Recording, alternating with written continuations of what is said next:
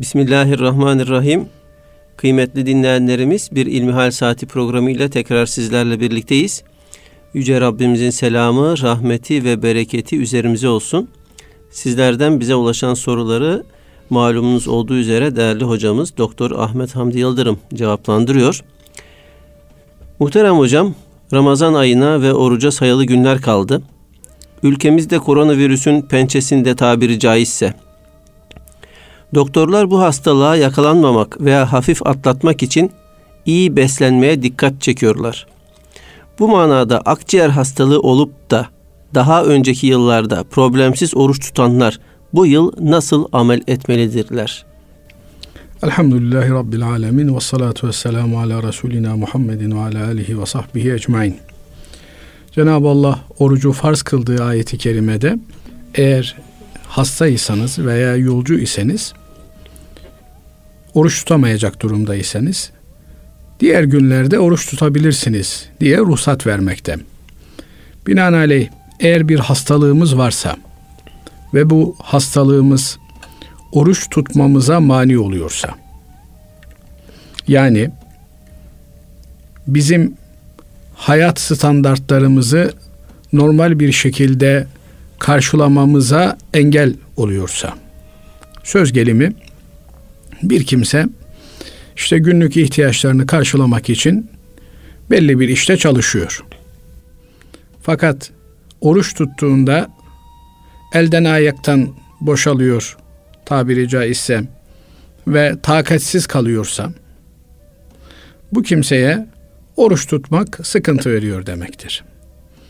Yine bir müzmin hastalığı var. Mesela kronik şeker hastası.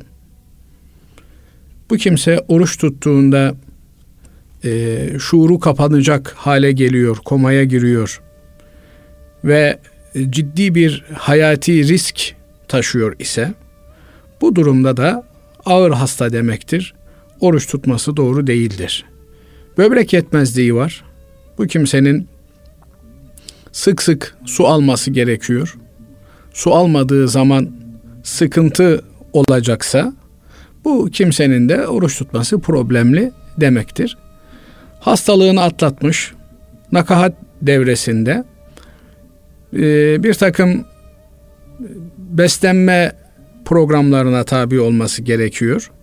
Bu kimse de şayet bu programları almadığında bir sıkıntı meydana gelecekse bu kimsenin de oruç tutması sıkıntılı demektir. Dolayısıyla Burada temel kriter şudur. E, bünyenin oruca tahammül edemeyecek kadar. Yani oruca tahammül edemeyecek kadar derken bunun altında yatan şudur. Ayakta namaz kılmasına mani olacak, takatsiz düşecek, dermansız düşecek, yatarak orucu tutmak zorunda kalacak, e, kendinden habersiz hale gelecek Böyle bir durumda bu kimsenin oruç tutması doğru olmaz. Ama oruç tuttum işte e, biraz acıktım. Biraz işte e, enerjimi kaybettim. Bu oruç tutmaya mani midir? Değildir. Yine aynı şekilde oruç tutan bir kimse nekahat döneminde üç gün iyileşecekken, üç günde iyileşecekken, kendini toparlayıp normal hayatına dönecekken bu beş güne on güne çıkacaksa bu kimsenin de oruç tutmama ruhsatı vardır. Yine bir anne süt veriyor. Eğer oruç tuttuğunda sütü kesiliyor. Çocuk ağlamaklı oluyor. E, tahammül edemiyorsa bu annenin de oruç tutması doğru değildir. Diğer günler oruç tutma imkanı bulunmaktadır. Dolayısıyla e, herhangi bir şekilde orucun kendisine bir kalıcı zarar vereceği veya iyileşmeyi geciktirici bir rolü olacağı şeklinde tabi bir haziki müslim kitaplarımızın ifadesiyle işinin ehli Müslüman sözüne güvenilir dini hassasiyeti olan bir doktorun tavsiyesi varsa sen oruç tutma derse bu kimsenin oruç tutması doğru olmaz. Bu yönüyle herkes kendi aile hekimine danışmalı. El verir ki bu aile hekiminin oruç hassasiyeti olan biri olması uygundur. Binaenaleyh aile hekimi gerekli tahlilleri, e, danışmaları, istişareleri kendisine sunar. Böylelikle oruç tutmak eğer kendisine bir risk oluşturuyorsa bu riskin de tabi görülebilir bir risk, yakın vadede bir risk olması gerekir. Fakat bugünlerde meydanda bir tartışmadır başını almış gidiyor. Konuda e, ortada bir virüs var. İnsanların iyi beslenmeleri gerekiyor. Elhamdülillah genel itibariyle memleketimizde halkımız iyinin üstünde besleniyor. İyi beslenmekten maksat işte bulduğun her şeyi yemek değil. Aksine e, yemeği belli bir standart çerçevesinde yapmak. Bu yönüyle çok uzun günlerde değiliz elhamdülillah.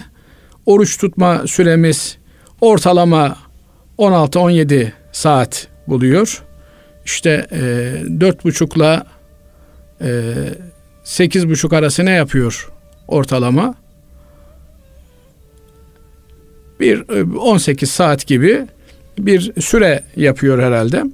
Bu çok büyük bir e, süre değil.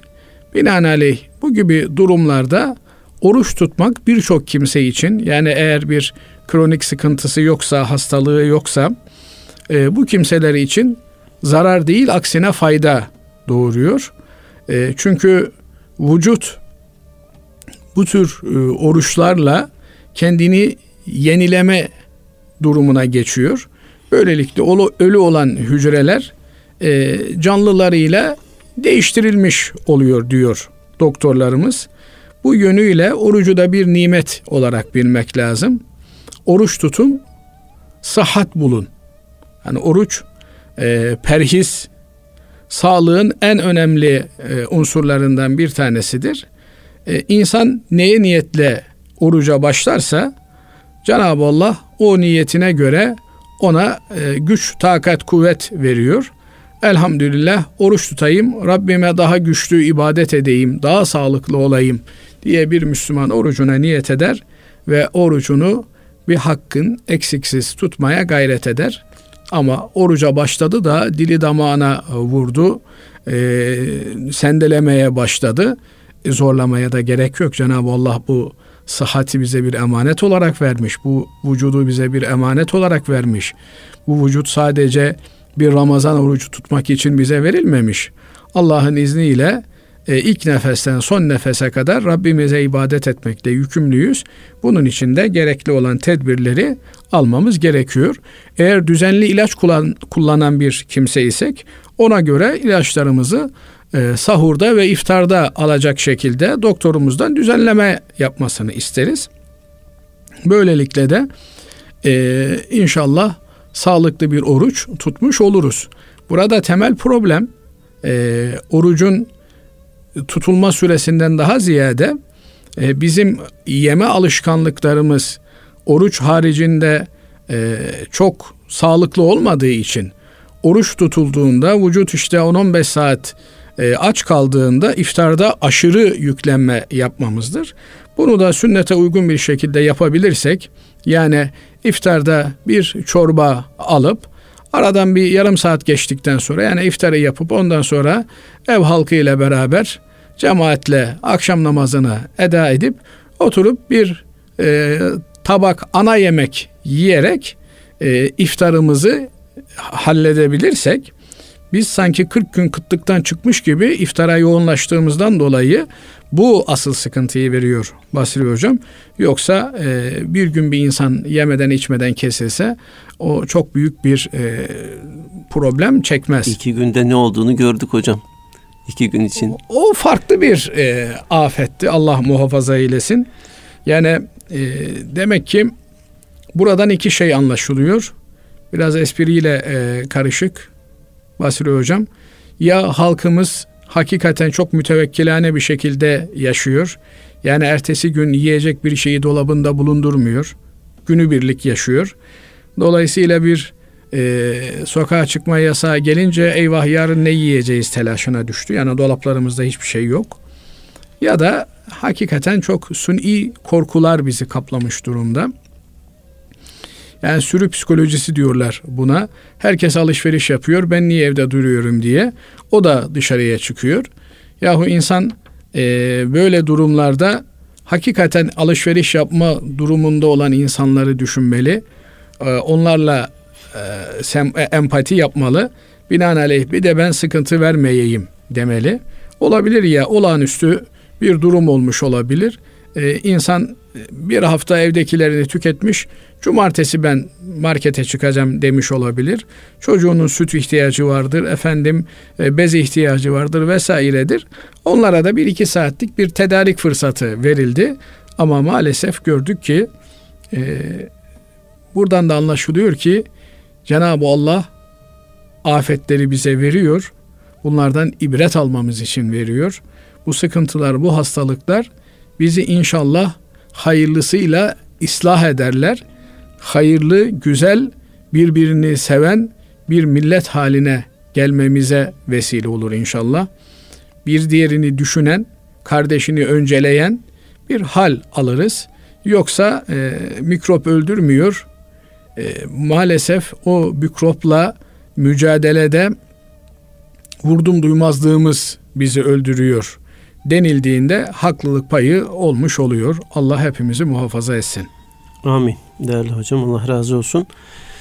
Bir diğer dinleyicimiz şöyle bir soru göndermiş bize.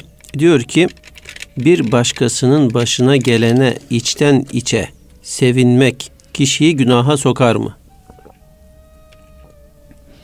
Tabi insanın komşusunun başına gelene e, düşmanının başına gelene sevinmesi hoş bir şey değil. Niye? Ee, buradan kastımız tabi başına gelen kötülüğe sevinmesi hoş bir şey değil. Çünkü bir başımıza gelen e, kötülükler, karşımıza çıkan imtihanlar, çektiğimiz sıkıntılar bizi ya Allah'a yakınlaştırıyordur ya Allah'tan hepten uzaklaştırıyordur. Eğer bir hastalık, bir musibet, bir veba, bir salgın bizi Rabbimize daha fazla yakınlaştırıyorsa yani mesela eskiden günah işliyorduk ama bu hastalık geldikten sonra günah işleyemez hale geldik. Eskiden namaz niyaz hak getire bir pozisyonda idik. Şimdi Cenab-ı Allah'a kendimizi daha yakın hissetmeye başladık. Kur'an'ımızı düzgün okumaya başladık. Namazımızı ciddi bir şekilde kılmaya başladık. Hz. Peygamber aleyhissalatü vesselam Efendimiz'e salatü selam bol bol getirmeye başladık. Bu musibet, bu bela bizim için rahmet haline gelmiştir. Hakikaten bizi bize döndürmüş, kendimize getirmiştir. Ama başımıza gelen bir sıkıntıyı, belayı feryadu figan kopartarak, isyan ederek geçirirsek, o hakikaten bizim için bir bela, bir sıkıntı olmuş demektir. Bu yönüyle insanların karşılaştıkları belalar Allah'ın kendilerine bir imtihanıdır. İmtihanda başarılı olmak da vardır, başarısız olmak da vardır. Binaenaleyh benim başıma bir imtihan geldi, senin başına bir imtihan geldi. İmtihan sebebiyle birinin sevinmesi veya yerinmesi söz konusu olamaz. Bu imtihanda eğer başarısız olursak imtihanı kaybetmiş oluruz ve bu bizim için bir kötülük olmuş olur, bir musibet olmuş olur. Bu bizim için asıl felaket demek olur. Dolayısıyla başına bir imtihan gelen Müslümanı veya gayrimüslimi bu imtihanından başarılı çıkmasını beklemek durumundadır Müslüman. Yani diyelim ki komşumuzun başına bir imtihan geldi. Bu imtihana sevinmek veya yerinmek diye bir şey söz konusu olamaz. İmtihan bu. Yani daha neticesi belli değil. İşte bir arkadaşın sınava girmiş. E sınava girdi diye üzülme veya ağlama olmaz. En fazla bir şans kazandı diye onun adına sevinmek olabilir. Bu imtihanın eğer neticesinin kötü geçmesini bekliyorsak o zaman biz yeryüzünde e, fesadın yayılmasını, kötülüğün yayılmasını istiyoruz demektir. Oysa Cenab-ı Allah ve la tebgil fesade fil ard buyuruyor. Yani yeryüzünde yozlaşmayı istemeyiniz. Fesadı talep etmeyiniz. İnna Allah la yuhibbul müfsidin. Allah müfsitleri, bozguncuları, yozlaşmacıları sevmez. Binaenaleyh biz kardeşimizin başına gelen imtihanda onun başarılı olmasını temenni etmeliyiz.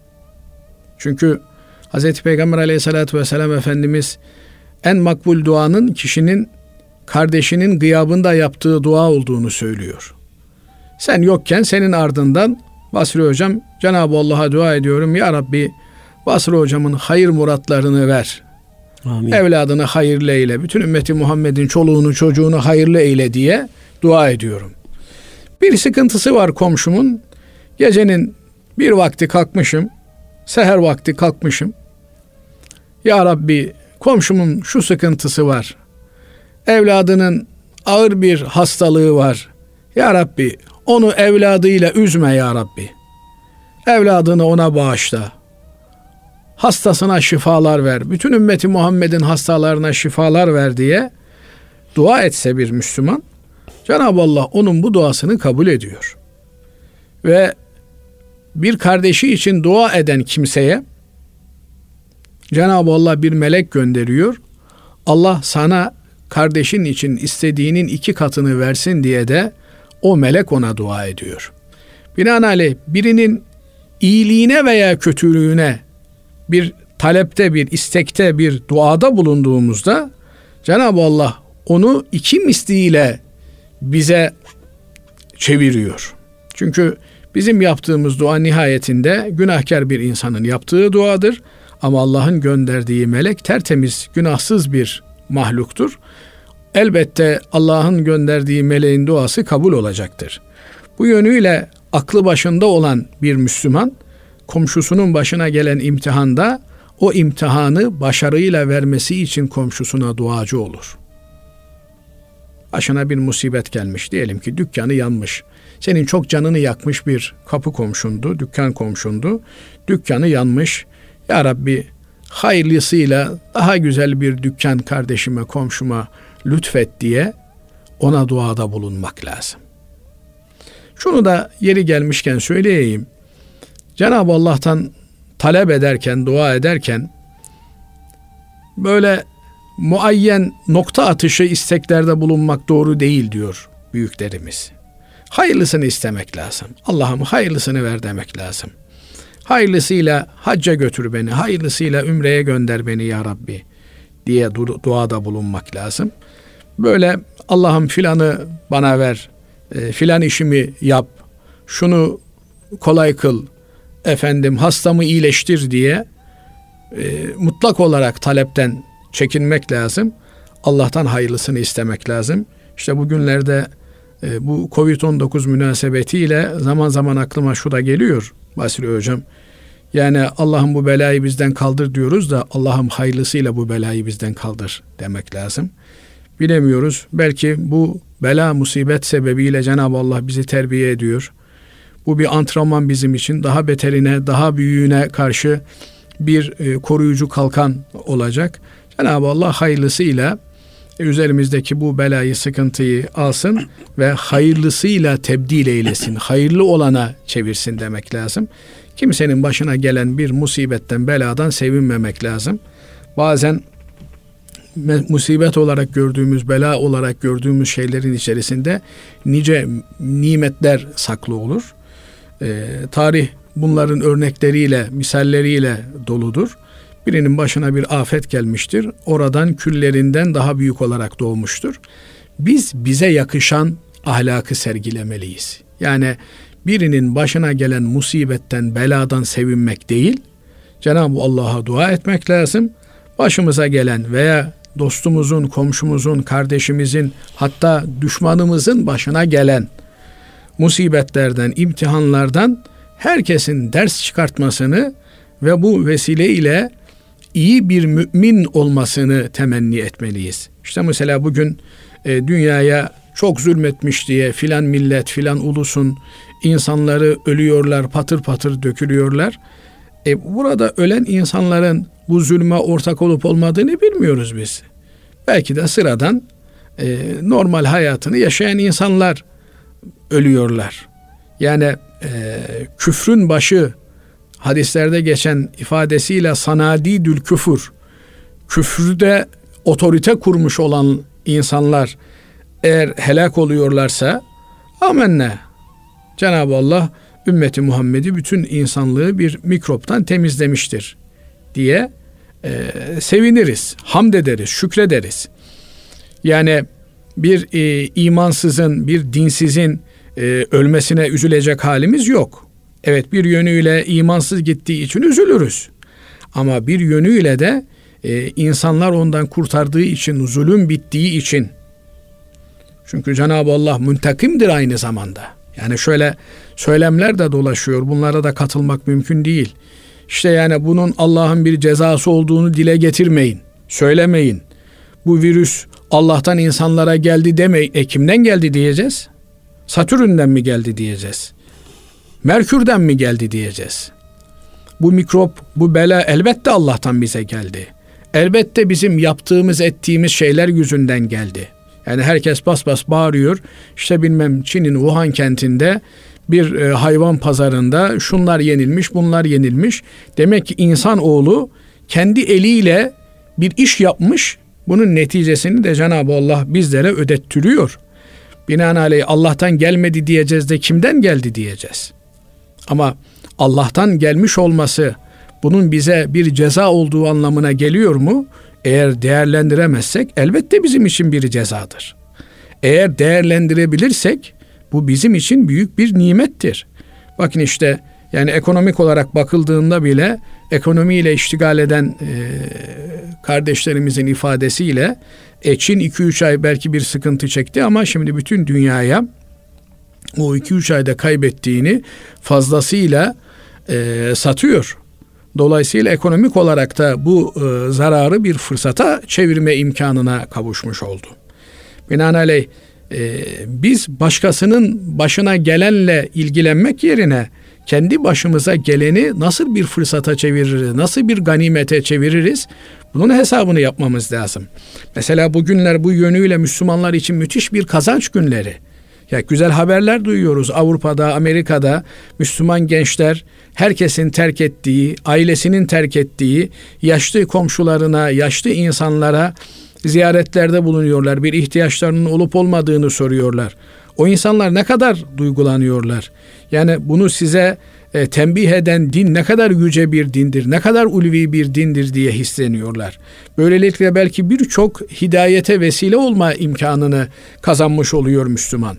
Dolayısıyla bu tür e, tabiri caizse e, salgın zamanları, bu tür e, zor zamanlarda e, biz Müslümanlar olarak yapabileceğimiz çok şeyler var. Bunlar bizim için ganimet mevsimleri, bunlar fırsat mevsimleri. Bunları iyi değerlendirmek lazım. Bunları bu yönüyle e, kazanca çevirebilmek lazım. E, komşumun başına bela geldi, oh yanı yansın da görsün demek yerine belki onu ziyaret etmenin bir e, vaktidir, fırsatıdır. E, ailesinde işte hastanede yakını olan, e, yoğun bakımda bir e, akrabası olan kimseleri muhakkak koruyup kollamak, gözetmek lazım. Hal hatır sormak lazım. Bu gibi zamanlarda işte insanlar cenazelere gidemiyorlar. Bakıyorsunuz çok sevilmi, çok sevdiğimiz bir abimiz vefat etmiş. Üç kişi, beş kişi cenazesine katılmış. Evet belki bir e, sağlık tedbir gerekçesiyle cenazeye katılma imkanımız yok ama telefonlarımız var, farklı iletişim araçlarımız var. Telefondan mikrop bulaştığına dair bir rivayet henüz sadır olmadı. Dolayısıyla kardeşlerimizi telefonla arayabiliriz, hal hatır sorabiliriz, bir derdin, bir ihtiyacın var mı diyebiliriz. İşin gücün nasıl gidiyor, maddi manevi bir desteğe ihtiyacın var mı diyebiliriz.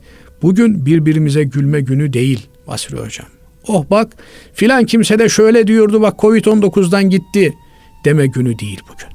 Bugün fırsat günü, bugün gönül kazanma günü. Biz bu dünyaya Yunus'un dediği gibi e, intikam almaya gelmedik. Eğer alınacak bir intikam varsa bunu Cenab-ı Allah alır zaten. Kimsenin hakkını kimse de komaz Cenab-ı Allah. Ama biz elimize düşen bu fırsatı değerlendirip gönül kazanma ikliminde bulunduğumuzu aklımızdan çıkartmamalıyız. Vesselam. Allah razı olsun kıymetli hocam. Teşekkür ediyoruz. Efendim e, şimdi kısa bir araya gidiyoruz. Aradan sonra kaldığımız yerden devam edeceğiz.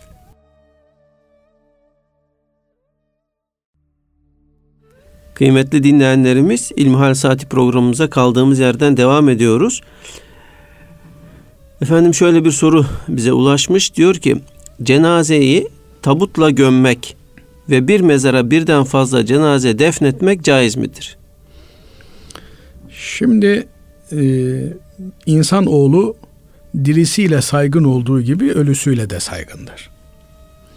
Binaenaleyh Cenab-ı Allah insan oğlunu çok ayrıcalıklı olarak yarattığı için onun ölüsüne de dirisine de saygı göstermemizi dinimiz bize emrediyor. Efendimiz Aleyhisselatü Vesselam insan kemiklerinin ölmüş olan insanların kemiklerinin kırılmasını yasaklıyor. Yani bir yerde bir mezar varmış, açılmış, oradan insan kemikleri çıkmış. Bu mezardaki kemiklere de saygıyla davranmamız bizden isteniliyor. Ya ölmüş gitmiş işte çürümüş bunlara da mı? Evet bunlar da nihayetinde insan oğluna ait parçalardır. İnsanın ölüsü de dirisi de değerlidir. Bu yönüyle Efendimiz Aleyhisselatü Vesselam e, çok sıkça kullanılan e, bir iş yaptığınız zaman o işi sağlam yapmanızı Cenab-ı Allah sever. Bir iş yaptığınızda sağlam yapın. Allah bir iş yapıldığında onu sağlam, kaliteli yapmanızı ister malindeki hadisi şerifi Efendimiz Aleyhisselatü Vesselam e, vefat eden e, evlatlarının birinin kabrinin üstüne laht yapılırken yani e, oraya biliyorsunuz e, vefat eden kişinin yıkanma işlemleri bittikten, kefenlenme işlemi bittikten sonra kabre getiriliyor kefenlenip. Kabrin içerisine konuluyor ve üzerine de tahtalar e, yerleştiriliyor. O arada e, bir açık kalmış. Efendimiz orayı düzeltin demiş. Ya Resulallah demişler. Yani bu kabir üzerine birazdan da toprak örteceğiz. Yani bitecek bu kadar e, bunu önemsemenin gereği var mı? Deyince Efendimiz Aleyhisselatü Vesselam Allah sizden bir iş e, yaptığınızda onu güzel yapmanızı sever buyurmuş. Binaenaleyh ya burası nasıl olsa e, kabir burası birazdan işte toprakla dolacak. Gelişi güzel yapsak, la alet tayini yapsak da olur mu? Olmaz. Biz bize düşeni yerine getirmek zorundayız. Müslümana yakışanı yapmak zorundayız. Müslüman eşittir kalite demek. Yani ne demek kalite? Edep demek. Bizim e, literatürümüzdeki karşılığı edeptir. Yani bir şey yani güzellik. Yani güzelliktir, ihsan kıvamıdır. Evet.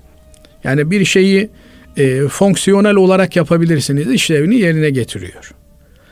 Ama insanlar ambalajın da güzel olmasını, göze de göze de güzel görünmesini istiyorlar. Bakıyorsunuz mesela filan milletin malı çok sağlam oluyor ama estetik taşımıyor. Onu tercih etmiyorlar insanlar da estetik taşıyanı tercih ediyorlar.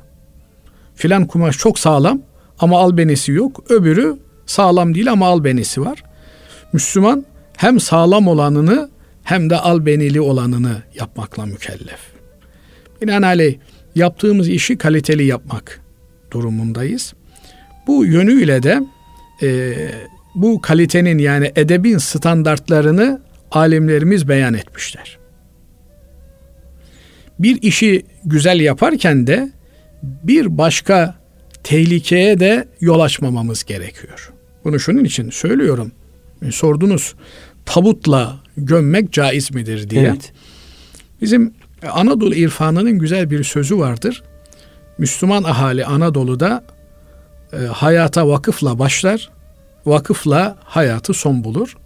En son vakıf olarak kullanılan şey tabutlardır Siz biraz vakıfta çalıştınız. Evet hocam. Bildiğim kadarıyla Basri derler. Hocam.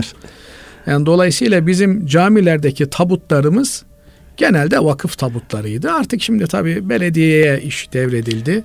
Vakıf kavramı gitti. Vakıf da- beşiğinde doğar, Ha, vakıf- vakıf, tabutunda Vefat edince vefat ederdi. e, gömülürdü. Şimdi vakıf müessesesi devletin e, yükünün beşte dördünü alırmış yapılan istatistiklere göre Basri Hocam. Yani ne demek? Bugün devlet dediğimizde aklımıza ne geliyor? Sağlık geliyor. E, sağlık hizmetlerinin tamamı vakıflar tarafından görülürmüş. İşte yine hala o günlerden kalma vakıf kuraba hastanemiz vardır bizim. Bütün hastanelerimiz bu yönüyle o eski hastanelerimiz vakıf hastanelerdir. Yine eğitim hizmetleri vakıflar aracılığıyla görülürmüş.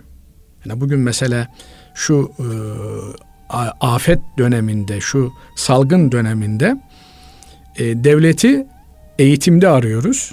Değil mi? Uzaktan eğitim artık e, yaygın olarak kullanılıyor. Biz de zaman zaman derslerimizi orada yapıyoruz. Efendim e, hastaneler devletin en çok yoğun olarak hizmet verdiği alan bugünlerde eğitimin ve sağlığın vakıflar aracılığıyla görüldüğünü o zaman için tespit ediyoruz. Devlet bir de güvenlikte ortaya çıkıyor. Evet güvenlikte e, her ne kadar mahalle güvenliği gibi yani yani güvenliğin bir kolluk kuvvetleri ciheti var. Bir de işte gıda güvenliği dediğimiz bir güvenlik kavramı var. Bugün insanlar niye sokaklara çıkıyorlar iki saatlik E, aç kalacağı endişesini taşıyor. Korkusunu taşıyor. Aç kalacağından değil. Aç kalmazlar merak etmeyin. Yani her evde ya 40 gün yetecek kadar en az 40 gün yetecek kadar ama bu işte bir İsrail oğullarından gelme bir ahlak, daha doğrusu ahlaksızlık. Yani e, e, Yahudilerin, İsrail oğullarının bu alışkanlıkları vardı. Biriktirme, stoklama. Yarın korkusu var, yarın endişesi var. Dolayısıyla e, Müslümanların medeniyetinde, faziletler medeniyetinde vakıf müessesesi yükün tamamını neredeyse devletin üzerinden alıyor. Devletin e, sadece idari olarak bir fonksiyonu var. Bir de e, kaza merciği, yargı merciği devletin elinde. Onun haricindeki her şey vakıflar aracılığıyla görülüyor. Cenaze hizmetleri de vakıflar aracılığıyla görülüyordu. Hatta bizim eski mezarlıklarımızın tamamı vakıf mezarlıklarıdır. Onun için mesela denir ki bu vakıf mezarlıklarının üstüne türbe yapmak caiz değildir. Niye? Ya orada bir Müslümanın bir kişilik yatma hakkı vardır. Yani o da nedir? İşte 60 santime 2 metre. E sen oraya işte bir e, kabir yaptın mı o zaman e, 120 santime 2 metre işgal etmiş oluyorsun. Neredeyse iki kişilik yer işgal etmiş oluyorsun. Burası vakıf yeri kardeşim. Burada sen kendi mülkün gibi davranamazsın. Yani buranın da hikmetini buradan iyi kavramak lazım. Buralar vakıf arazileri olduğu için buralarda böyle gelişi güzel e, kullanımlara müsaade edilmez. Tabut da e, bizim örfümüzde vakıftır. Yani adam ne yapacak tabutu? Şimdi diyelim ki sizin cenazeniz oldu Basri Hocam. Evet. Tabutu ne yapacaksınız? Mezara kadar tabut işinize yarar. Mezarda kefeniyle beraber çıkartıp gömmek sünnettir. Sünnettir diyorum. Ne demek? Yani bizim takip edeceğimiz, izleyeceğimiz yol budur. Niye? Ya biz oraya işte mesela lahit yaparken e, üzerine tahta koyuyoruz. Mevtanın üzerine. O toprak kaymasın diye. E, bir de işte eğer e, vahşi hayvanların bulunduğu bir yerse vahşi hayvanlar hemen kolay e, deşip de cesede zarar vermesinler. Elbette eğer şehitlerden değilse o ceset çürüyüp gidecek. Fakat çürüyene kadar en azından tabii bir şekilde çürüyene kadar biz elimizden gelen muhafazayı yapmamız lazım. Tabutla gömebilir miyiz?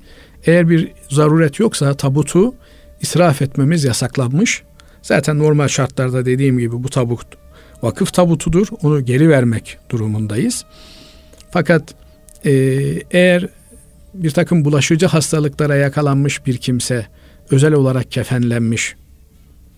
İşte onlar e, bildiğim kadarıyla özel bir takım e, kimyasallarla e, tabutun içerisine e, açılmayacak şekilde yerleştiriliyor ve tabutla beraber e, korunma maksadıyla e, defnediliyor. Onlar ayrı bir mesele. Eğer burada da bir vakıf tabutu kullanılmışsa bunun bedelinin yerine konulması gerekiyor.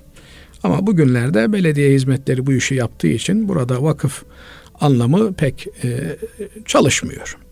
Şimdi burada aklıma gelmişken şunu da söylemek isterim Basri Hocam. Bir de hocam e, iki kişi veya daha fazla bir e, mezara gömülebilir mi e, diye sorun Şimdi burada vardı. da tabii baştan beri söylediğimiz yani insan canlı da ölü de saygıya layıktır. Her kişiye özel bir mezar olması esastır, asıldır. Ama eğer bir ihtiyaç varsa yani çok yoğun ölümler var ve işte bugünlerde bazı ülkelerde mesela günlük 1000-2000 ölüm gerçekleşiyor. Ülkenin tamamında olsa belki her mezarlığa 2-3 tane düşecek. Bunu kaldırması mümkün. Ama bir yerde yoğunlaştığını e, düşünün. Burada e, işte 200-300 ölüyü bir mezarlığın kaldırması bir günlük olarak mümkün değil. Ne yapıyorlar? Toplu mezar açıyorlar. Buralarda da yapılması gereken şu. Bir kişiyi kefenle beraber kabre yerleştirdikten sonra arasına biraz toprak koyup diğerini arasına yine bir toprak koyup diğerini böyle e, gömme suretiyle aralarını en azından toprakla ayırmayı tercih etmek lazım. E, fakat çok yoğun bir şekilde ve kısa bir zamanda defnetmek gerekiyor. O zaman tabii e, bu olağanüstü şartlarda olağanüstü kurallar geçerli. Ne tür yapabiliyorsak o şekilde yaparız. Eğer tabutla gömülme mecburiyeti varsa zaten tabut ayrı ayrı kabir hükmüne girmiş olur. Onlar e, bazı yerlerde gördüm mesela böyle büyük bir çukur kazmışlar. Orada e, ayrı ayrı tabutları o çukura yerleştirmişler. Orada asıl olan e, Müslümanın o da tabii imkan çerçevesinde zorlamak da doğru değil illa bunu yapmak için.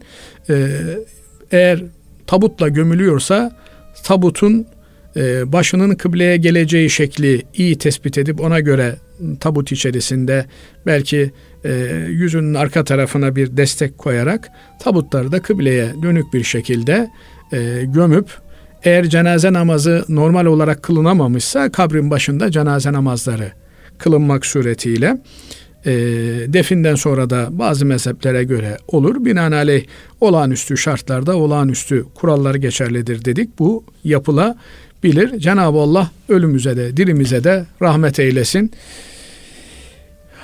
Affıyla muamele eylesin, mağfiret etsin. Cenab-ı Allah bu günlerimizi hayırla geçirebilmeyi nasip ve müyesser eylesin. Evet. Allah razı olsun. Bir dinleyicimiz şöyle yazmış bize değerli hocam. Ben 15 yaşımdan önce çevremin de etkisiyle kendimi hırsızlığa kaptırdım. Nasıl nasıl başladığımı hatırlamıyorum. 8. sınıfın son ayındaydık ve iki tane marketten sürekli bir şeyler alıyorduk. Sonunda yakalandık. Küçüğüz tabi 14 yaşındaydık. Allah'a hep dua ediyorum. Umarım bülü çağına girmemişimdir diye.'' Size soru olarak da bunu sormak istiyorum. Bunun vebali bana yüklenecek mi? Yani bana yüklenmeyeceği kesin de diyemem. Niye? E, çünkü biz hocaların da vebali az buz değil. Ama e, bunun vebali tabi bu kardeşimize yüklenir. Şöyle yüklenir. Bülü kavramını da yanlış anlamamak gerekiyor. Yani şimdi insan eğer e, zararını, karını bilecek bir hale gelmişse meşhur bir hikayedir. Musa Aleyhisselam Firavun'un sarayında Firavun'un fırsat buldukça canını yakarmış. Küçücük bebek. Sakalını çekermiş. Kulağını çekermiş. Peygamber bebek de olsa adam etmeye çalışıyor Firavun'u. Firavun şüphelenmiş. Ya demiş bu çocuğun bana bir kini var demiş. Asiye validemiz demiş ki ya çocuk bu bebek demiş ne kini olacak demiş. Yok demiş yok. O hiç demiş bebek değil demiş. Senin kucağındayken çok seveceksin. Benim kucağıma gelince bana zarar vermek için elinden geleni ardına konmuyor bu demiş. Bakmış olacak gibi değil. Asiye validemiz o cennetlik kadın cennetlik olduğu Kur'an'da haber veriliyor. Evet Firavun'un hanımı ama öyle nice cennetlik hanımlar var Basri hocam. Kocaları Firavun gibi. Ama kendileri asiye. Nice cehennemlik kadınlar da var. Kocaları Nuh aleyhisselam gibi. Lut aleyhisselam gibi. Ama kendileri cehennemlik. Dolayısıyla Cenab-ı Allah e, içinde bulunduğumuz şartlarda şartların dedikodusunu yapmaktan daha ziyade o şartları cenneti kazanabilmeye vesile edinebiliyor muyuz, edinemiyor muyuz ona bakıyor. Rabbim cenneti kazanabilenlerden eylesin. Amin. Asya validemiz diyor ki ya diyor imtihan edelim diyor. Bak diyor bir kor parçası ile bir altın parçasını yan yana koyalım. Korda böyle renk var ateş gibi. Yani can alıcı, göz alıcı bir şey. Bakalım diyor kora mı gidecek, altına mı gidecek? Altın işte sönük bir maden parıldamıyor, ışığı yok vesaire. Musa Aleyhisselam bebek ama öyle lalet tayin bir bebek, bebek değil. Rivayete göre elini altına doğru uzatmış da Cebrail Aleyhisselam kora doğru çevirmiş elini. Oradan işte e, kordan bir parça ağzına koymuş. Oradan peltek kalmış denilir. Peltek olduğu rivayetlerde geçiyor. Nitekim Kur'an-ı Kerim de bunu tasdik eder mahiyette. Musa Aleyhisselam'ın duasını zikrediyor. Yani ya Rabbi diyor benim lisanımdaki peltekliği gider diyor. Hasılı kelam e, burada nice 60-70 yaşında olup da aklı olmayan kimseler var. Onun için demişler ki akıl yaşta değil baştadır. Bir çocuk 10 yaşına 11 yaşına gelmiş zararını karını ayırt edebiliyor.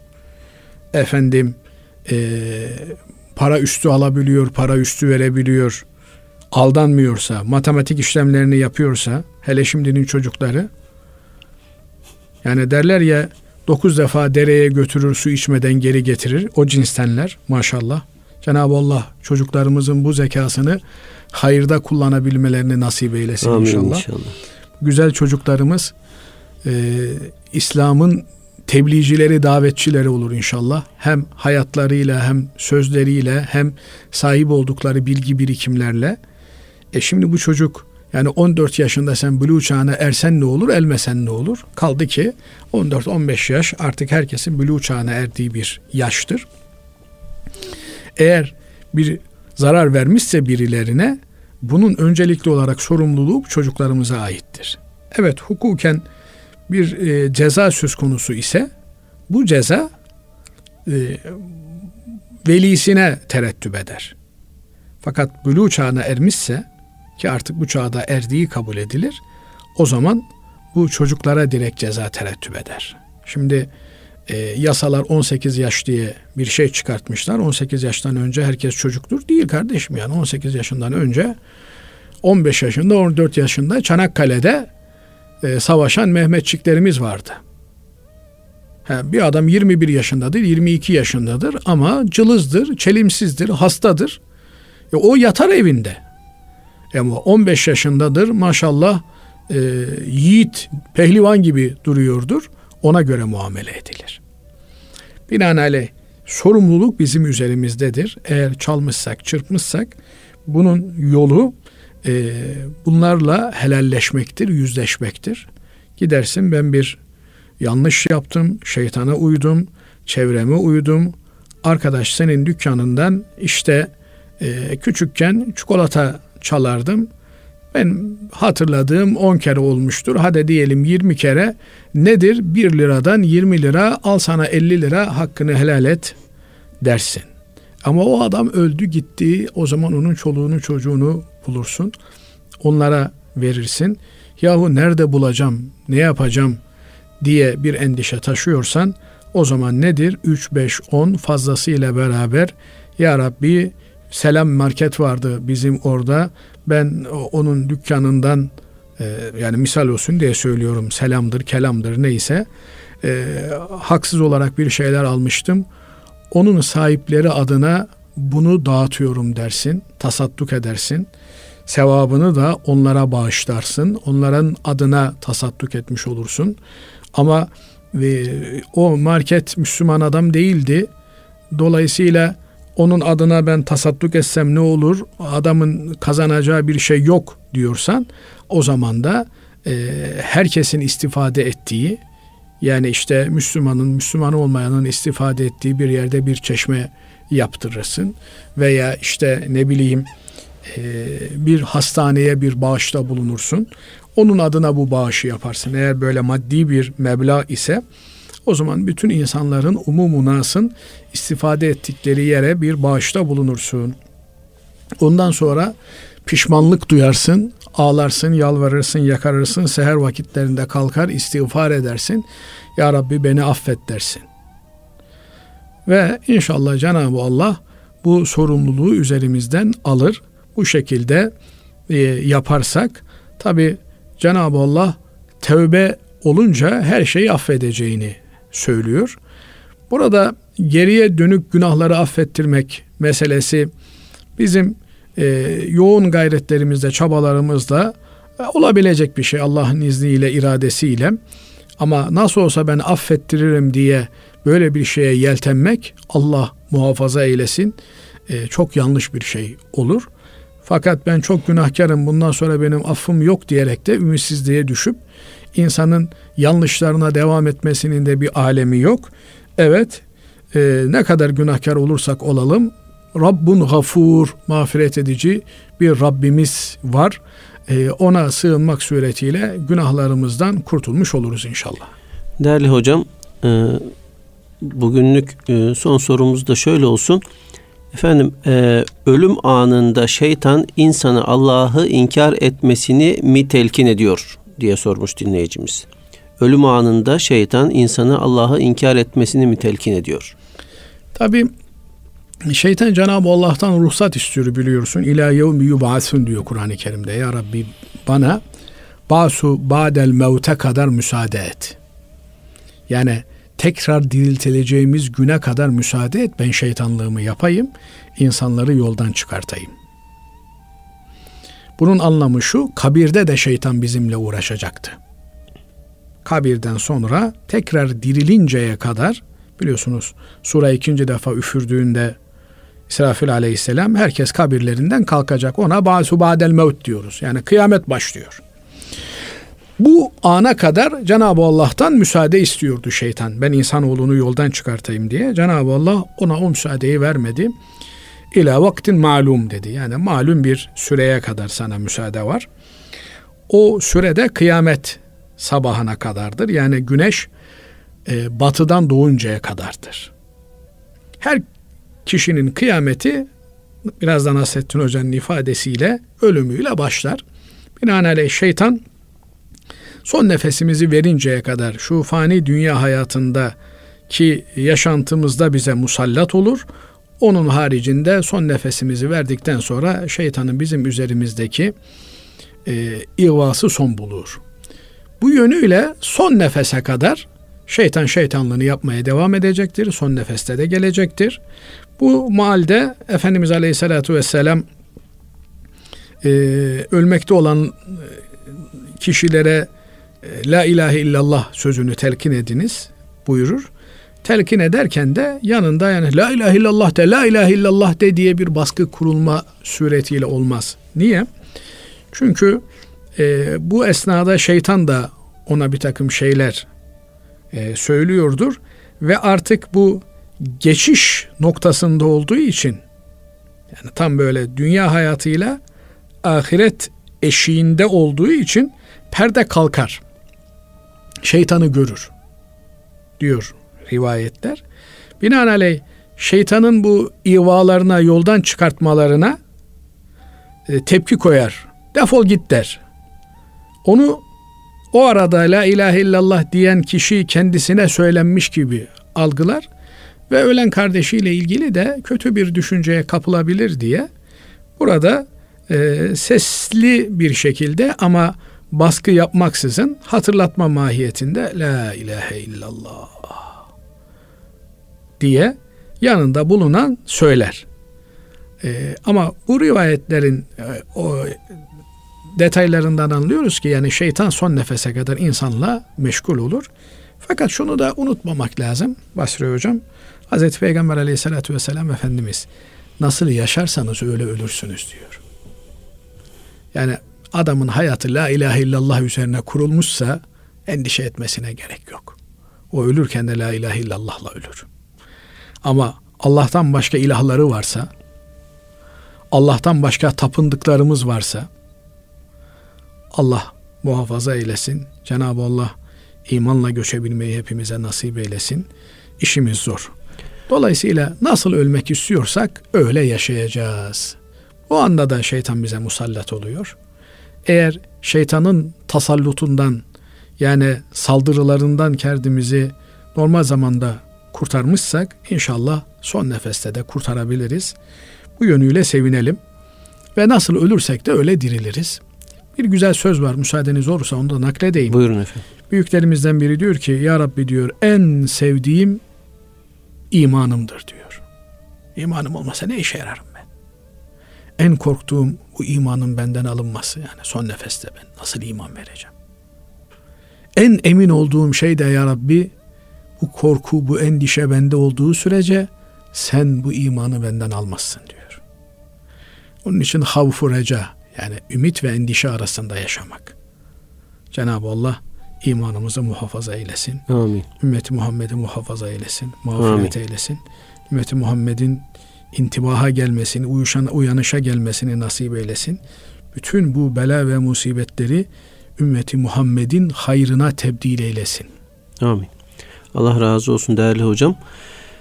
Kıymetli dinleyenlerimiz bir İlmihal Saati programının daha sonuna erdik. Hepinizi Allah'a emanet ediyoruz efendim. Hoşçakalın.